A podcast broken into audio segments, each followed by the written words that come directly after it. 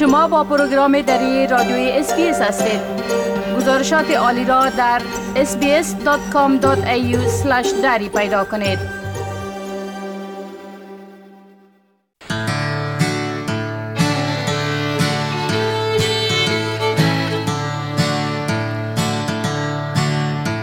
Once a jolly swagman camped by a billabong under the shade of a coolabah tree. He sang as he watched and waited till his belly boiled. روز استرالیا 26 ماه جنوری در سراسر کشور برگزار می شود. برگزاری این روز اساساً بیاد بود از مواصلت اولین کشتی های امپراتوری بریتانیا به سواحل استرالیا و بنیانگذاری مستعمره بریتانوی در این قاره عظیم آغاز گردید. در همین روز 26 جنوری در سال 1788 بود که اولین کاروان کشتی های نظامی بریتانیا تحت قیادت کپتن آرتر فیلیپ با سواری شمار از اساکر قوای بحری و تقریبا چلتن محبوس به ساحل استرالیا در خلیج سیدنی کووه نیو ساوت ویلز مواصلت کرد.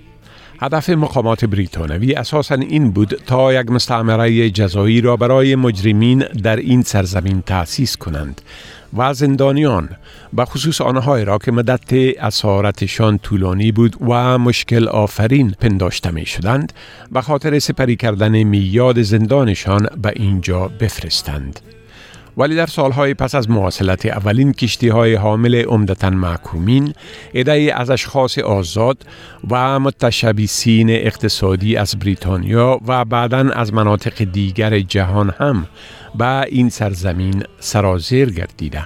و به مرور زمان جوامع متفرق و مستعمره های مستقل را در سراسر این قاره تشکیل دادند.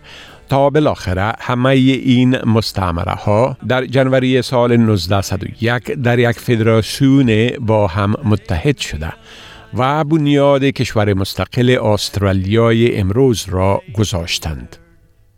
طبق آثار تاریخی برگزاری روز استرالیا برای اولین بار در سال 1804 در سیدنی تحت عنوان First Landing یا Foundation Day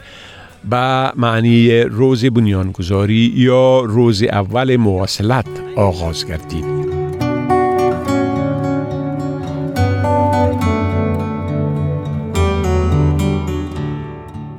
اکثر ابوریجینال ها که با اسکان اروپایی ها در استرالیا همواره مخالف بوده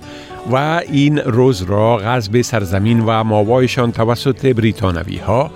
و ارمغان آور ستمگری ها و خونریزی کثیر از مردم بومی و تخریب ارزش های فرهنگیشان می دانند در آن سال حین تجلیل دوستدومین سالگرد تأسیس استرالیای معاصر روز 26 جنوری را روز اشغال نامیده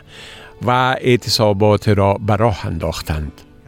آنها همواره استدلال کردند که این روز باید به حیث یک روز ملی به تاریخ دیگر انتقال داده شود.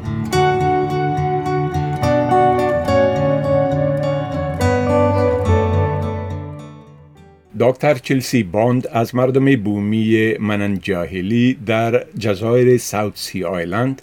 و استاد در پوهنتون کوینزلند می گوید که بسیاری از مردم بومی استرالیا روز 26 جنوری را تجلیل نمی کنند و علاوه می کند که روز در استرالیا به عنوان روز ملی تجلیل می شود که برای مردم بومی در حقیقت روز ازاداری است و این روز سرآغاز برای تلاش جهت امهای شیوه زندگی آنها بوده است. او می‌گوید که ما به حیث یک ملت باید یک روز بهتر و یک روز همه شمول برای روز ملی داشته باشیم و معتقد است که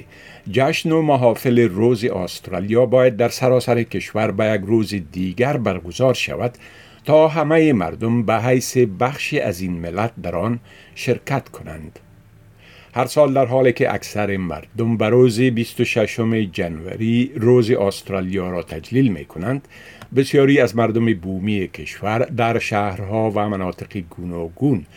گرد همایی ها و راهپیمایی های را در اعتراض به غزب سرزمینشان و مظالمی که آنها متحمل شده راه اندازی می کنند. سال گذشته با وجود محدودیت های کووید 19 ایده کثیر از مردم بومی در این راهپیمایی ها در شهرهای مختلف استرالیا شرکت کردند. اما امسال سازمان دهندگان این راهپیمایی ها تحت عنوان روز تجاوز می‌گویند که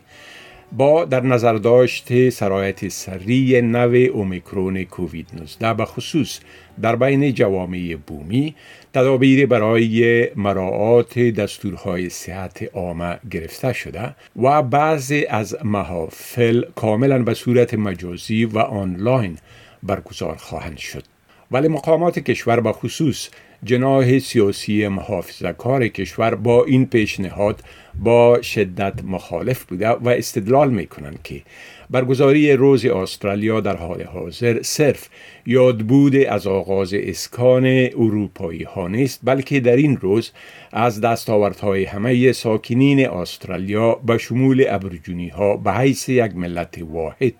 تجلیل به عمل می آید. در جمع فعالیت های عمده روز استرالیا اعطای جوایز به مردم با دستاوردهای برجسته در ساحات مسلکی و کاریشان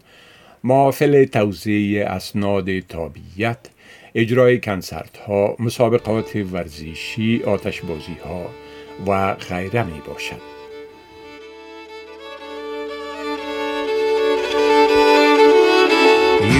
Come a waltzing Matilda with me.